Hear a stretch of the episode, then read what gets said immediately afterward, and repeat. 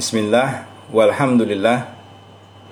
Berjumpa kembali dengan podcast Bikin Pabrik ID Bersama saya Abah Fajar Dari LPK Lembaga Pelatihan Kerja Janaha Sleman, Yogyakarta. Saat ini kami mengudara dari seputaran wilayah kawasan industri Jababeka Cikarang, Bekasi, Jawa Barat. Tidak biasanya kami mengudara di negeri yang jauh, yang jauh dari lereng Merapi, namun itulah kenyataannya. Hari ini dan besok kami terjadwal untuk mendampingi beberapa pelaku usaha yang sedang mempersiapkan diri untuk melakukan registrasi baik di pangan olahan maupun di obat tradisional yang saat ini mereka masih berproses untuk pengajuan izin sarana produksinya.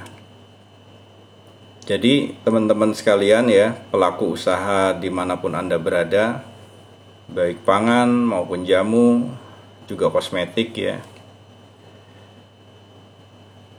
Perlu diketahui bahwasanya ketika anda sekalian mempunyai produk yang di situ produk itu harus diizinkan ke Badan POM, tidak serta-merta produk tersebut langsung bisa didaftarkan ke Badan POM, namun harus berproses dari awal, yaitu pengurusan izin SOSS RBA untuk mendapatkan izin berusaha ya yaitu NIB nomor induk berusaha kemudian melakukan perizinan untuk sarana produksinya. Ya tergantung nanti jenis produknya apa. Kemudian juga melakukan sertifikasi ya. Kalau untuk pangan olahan dan kosmetik ya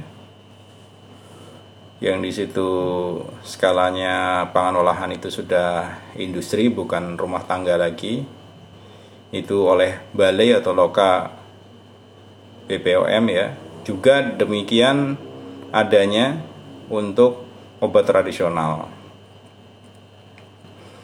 Audit nanti ya untuk kesiapan sarana pemenuhan aspek CPOTB kalau untuk di obat tradisional di kosmetik itu CPKB ya apakah nanti golongan A atau B kemudian pangan olahan ya pemenuhan syarat mutu CPPOB semuanya itu akan dibantu dan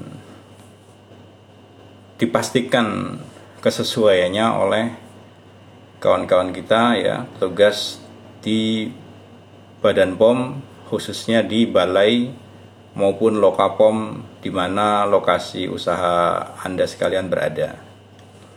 Nah, seperti itu. Hari ini kami sempat mengikuti acara di Hotel Sangrila yang terkait dengan pelatihan ekspor ya. Pelatihan ekspor yang diselenggarakan oleh Badan POM dan Sekolah Ekspor. Nah, ternyata di antara peserta itu ada kawan kita ya, salah satu pejuang ya, pelaku usaha yang saat ini sedang berjuang untuk melegalkan produknya. Apa produknya? Produknya itu bentuknya cair, ya kemudian berisi beberapa ya rempah dan ya anu apa namanya bahan-bahan alami ya. Di antaranya jahe merah bawang putih kemudian madu jeruk lemon import kemudian juga apel. Yang di situ tentunya sudah tidak bisa lagi diizinkan ke PRT ke Dinas Kesehatan atau ke DPM PTSP Kabupaten Kota untuk mendapatkan izin PRT. Ya. Ketika awal bertemu dengan beliau, nampak sekali beliau ingin produknya ke diajukan sebagai obat tradisional. Ya. Namun kawan-kawan pelaku usaha jamu dan pangan ya khususnya untuk para pelaku usaha kosmetik jika ingin mendengarkan ya boleh tidak masalah karena ini memang kita tema-tema awal ini adalah obat tradisional dan pangan olahan. Ya. Jika Bapak Ibu tetap ngotot ya. Ngotot pengen produknya punya klaim ngotot supaya nanti disebut sebagai obat tradisional jamu atau herbal maka di situ ada beberapa konsekuensi yang harus dilalui. Yang pertama, harus sarananya berupa usaha kecil obat tradisional. Tidak bisa usaha mikro obat tradisional karena seperti yang kita ketahui bersama usaha mikro obat tradisional itu hanya untuk produk sediaan yang berbentuk parem, tapel, pilis, cairan obat dalam, eh cairan obat dalam, cairan obat luar ya berupa minyak gosok, kemudian rajangan seperti wedang u, jamu godok dan lain sebagainya. Yang di situ bukan serbuk, bukan cairan. Nah, ketika kita pengen produk cair kita ini punya klaim, yaitu tadi pertama sarananya harus kuat yang kedua nanti konsekuensi selanjutnya mempunyai penanggung jawab ya, apakah apoteker atau tenaga teknis apoteker yang sudah bersertifikat pelatihan. Yang berikutnya bangunannya, sarananya harus sesuai dengan CPOTB ya. Di situ denah ruangannya harus sesuai dengan dokumen-dokumen yang kita miliki, juga sediaan yang kita produksi. Kemudian berikutnya di situ pendaftarannya dilakukan di provinsi ya dilakukan di provinsi eh, di PTSP atau DPP di DPM PTSP provinsi sebagai usaha kecil obat tradisional itu belum lagi kalau nanti eh, Anda memproduksinya cairan obat dalam ini diajukan sebagai eh, apa diajukan ke registrasi obat tradisional. Maka nanti di situ akan ada pengkajian satu keamanan ya. Nanti akan diuji apakah produk tersebut layak digunakan aman digunakan apakah mengandung logam berat atau tidak apakah mengandung cemaran mikrobiologi atau tidak kemudian mengandung kapang kamir atau tidak mengandung alkohol apa tidak nah itu Kemudian berikutnya juga yang tidak kalah mengkhawatirkan kalau Bapak Ibu sekalian, para pelaku usaha yang mempunyai produk cair ya. Ketika mengajukan perizinan tidak bisa mempertahankan ya eh, produknya itu sebagai obat tradisional. Karena apa? Komposisi yang terkandung di dalam e, obat tradisional yang Bapak ajukan ya, Bapak Ibu ajukan itu nggak sesuai sehingga di situ diminta oleh Badan POM untuk melakukan rasionalisasi komposisi. Yuk, komposisinya ini kalau segini nggak mungkin karena dosisnya kurang. Kemudian penggunaannya juga seperti ini, itu nggak sesuai dan lain sebagainya. Ya, jadi nggak sembarangan orang yang punya izin orang yang punya produk cair ya produk minuman kesehatan cair kemudian tiba-tiba pokoknya saya mau daftar ukuat enggak enggak sembarangan. Eh mendaftarkan izin obat tradisional ya sebagai cairan obat dalam tidak semudah itu. Tidak semudah itu. Ya. Kenapa tidak semudah itu? Ya tadi itu saya sebutkan apanya yang terkait dengan sarananya apanya juga yang di situ terkait dengan produknya itu sendiri. Pas nggak nih? Aman nggak nih? Ya. Diuji nanti di situ. Kemudian juga rasional apa enggak komposisinya yang ketiga di situ produknya itu klaimnya pas apa enggak. Karena kebiasaan kita di lingkungan pelaku usaha yang belum berizin dan belum terpapar informasi regulasi dan semisalnya biasanya namanya klaim khasiat itu dari A sampai Z. Kalau bisa bikin huruf baru. Ya bayangkan A sampai Z kalau bisa bikin itu nggak mau cuma satu atau dua saja. Sedangkan di badan pom tidak bisa. Lebih dari satu klaim khasiat di situ akan dipilih kecenderungannya produk tersebut yang terbaik yang e, mendominasi itu arahnya untuk klaim khasiat sebagai apa. Nah itu. Ya. Jadi alih-alih daftar ya ke ukot alih-alih bapak ibu kepalanya pusing puyeng belum lagi nanti mengeluh belum bayar apoteker belum bikin sarana yang ini dan itu dan lain sebagainya. Kenapa tidak dilakukan pendaftarannya sebagai pangan olahan? Bisa apa? Bisa. Ya. Kenapa saya bisa bicara seperti ini? Karena teman-teman di Yogyakarta diarahkan oleh balai untuk mendapatkan izinnya itu seperti itu tujuan mendapatkan izin itu apa sih? Ya. Tujuannya itu satu aman ketika kita berusaha. Nggak takut kalau dikunjungi tamu tak diundang ya. Kemudian yang ke berikutnya adalah laris dagangannya. Kemudian di situ usahanya bisa berkembang lah.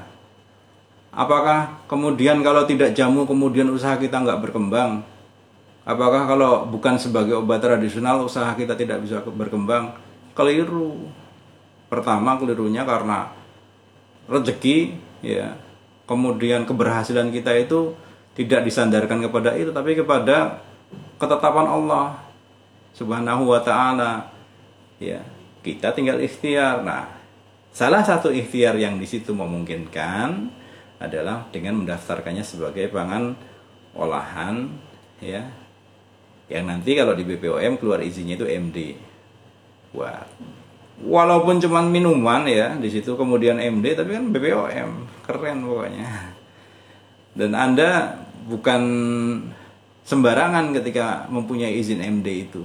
Anda berarti sudah memenuhi syarat bangunannya. Anda sudah memenuhi syarat mutu ya sarananya pengolahannya. Juga sudah memenuhi syarat keamanan dan eh, persyaratan-persyaratan lainnya dari standar pangan olahan. Tuh keren. Ya enggak? Kenapa saya seperti ini eh, saya buat dalam satu podcast? Karena apa? Teman-teman itu ya ikut-ikutan. Jadi taunya kalau misalnya jamu cair itu masuknya ke jamu. Tapi ketika diminta untuk daftar nggak mau pertama. Atau kalau mau tapi nggak sanggup. Duitnya oke itu pak. Uangnya banyak.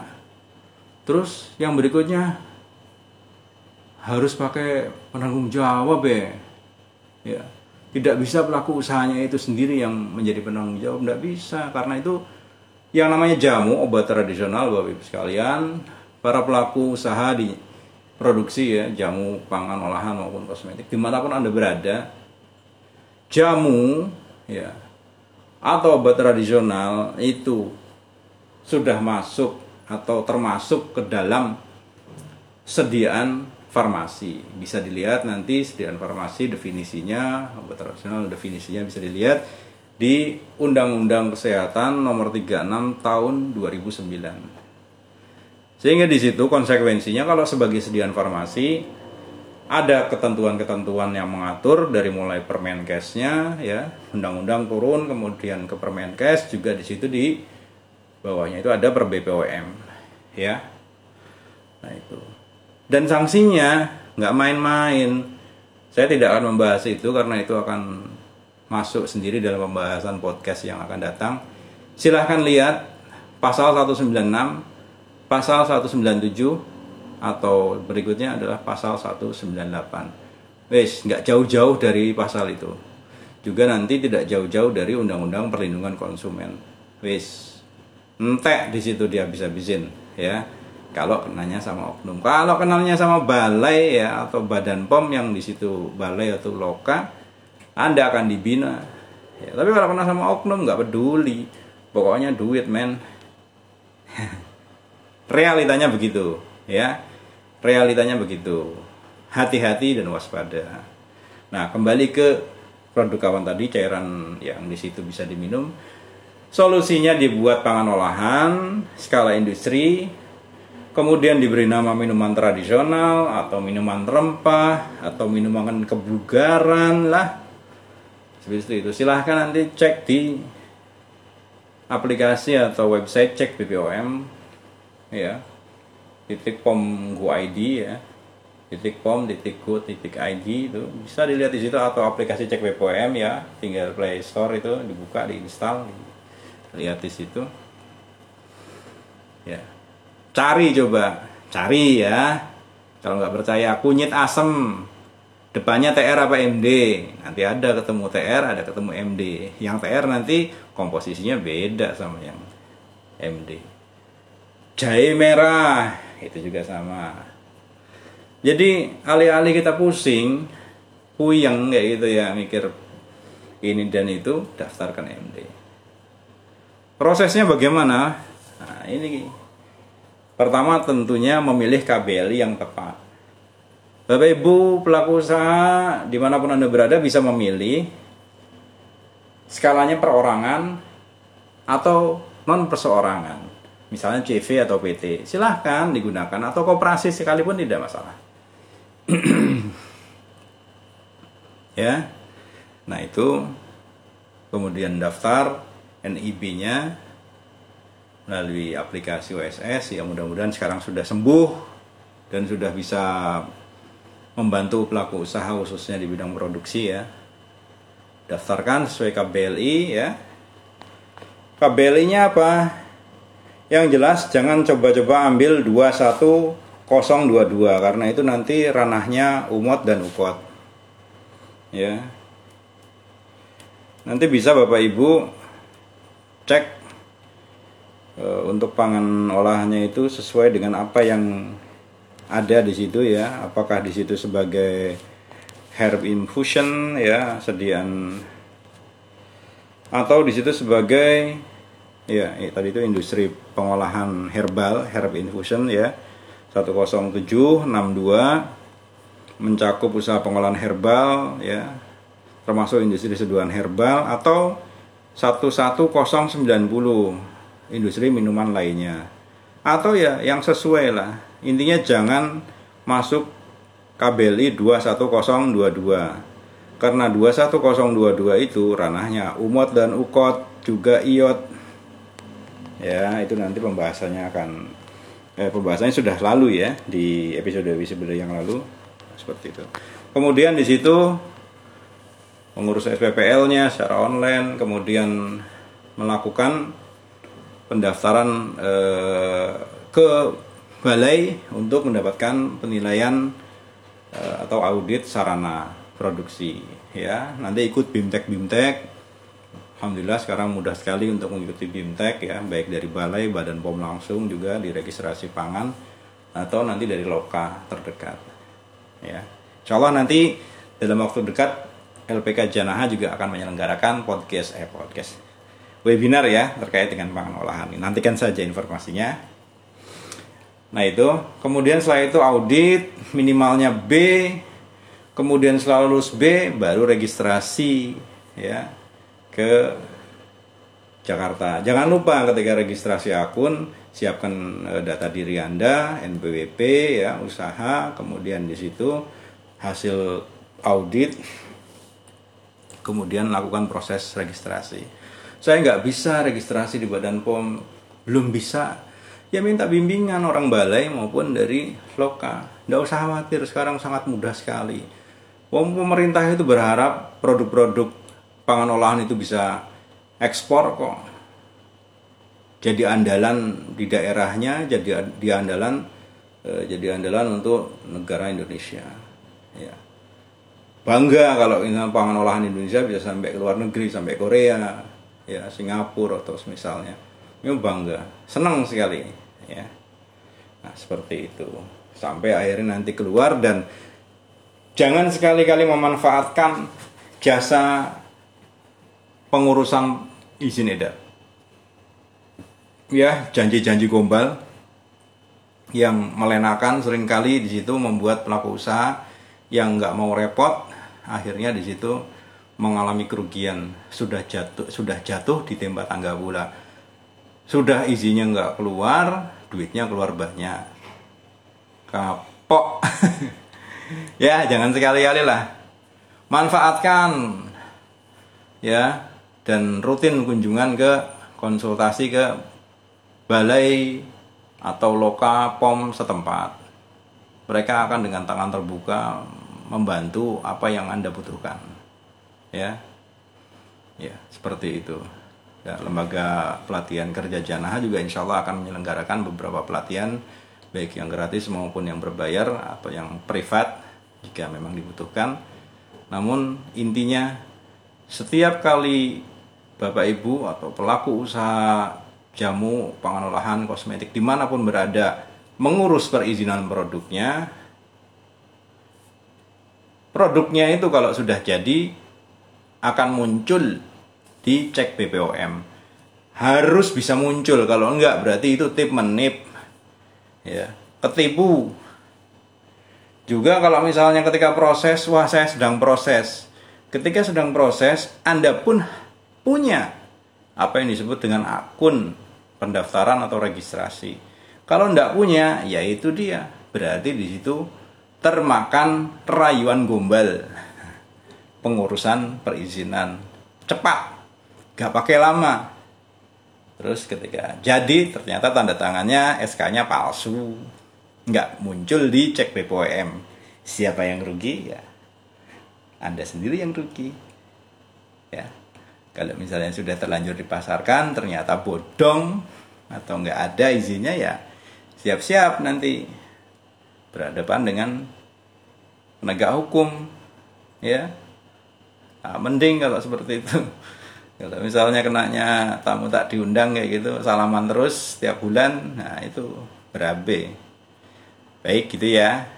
Manfaatkan kemudahan yang saat ini diberikan oleh pemerintah manfaatkan edukasi pendampingan yang dilakukan oleh kementerian-kementerian terkait terkhusus dilakukan oleh Badan POM juga balai ataupun loka di mana pun berada seluruh Indonesia.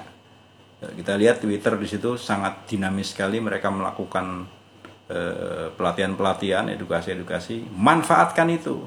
Jangan malu jangan takut nah, kalau takut dan malu bagaimana usaha Bapak Ibu pelaku usaha semua bisa berkembang? Nah, baik gitu ya. Jadi kesimpulannya tidak selamanya minuman yang mengandung bahan tanaman obat herbal yang di situ sebagai dibuat sebagai minuman kesehatan harus didaftarkan sebagai obat tradisional atau jamu pom TR nanti isinya. Tapi bisa di situ sebagai kategori pangan olahan yang nanti keluarnya adalah MD. Oke, semangat saudaraku yang sedang mengurus proses yang memproses uh, perizinan produk cairnya ini. Saya sudah merasakan keren, rasanya enak, di badan juga nyaman. Uh, saya sudah minum dua sendok, uh, dua kali minum ini, wah seger. Tadi tidur nyenyak sekali, masya Allah. Ya, semangat dan semoga Allah memberikan kemudahan untuk niat baik panjenengan. Juga semua ya Bapak Ibu sekalian pendengar yang uh, telah menyimak podcast bikin pabrik ID seputar pangan olahan ini. Semoga semua diberikan kelancaran usahanya laris sukses ya. Izinnya juga oke okay, berusaha dengan aman tenang tentram dan terus berkembang usahanya Demikian wallahu a'lam bisawab. Mohon maaf jika ada beberapa kekeliruan pengucapan atau hal yang kurang berkenan, mohon dimaafkan. Akhirul kata wassalamualaikum warahmatullahi wabarakatuh.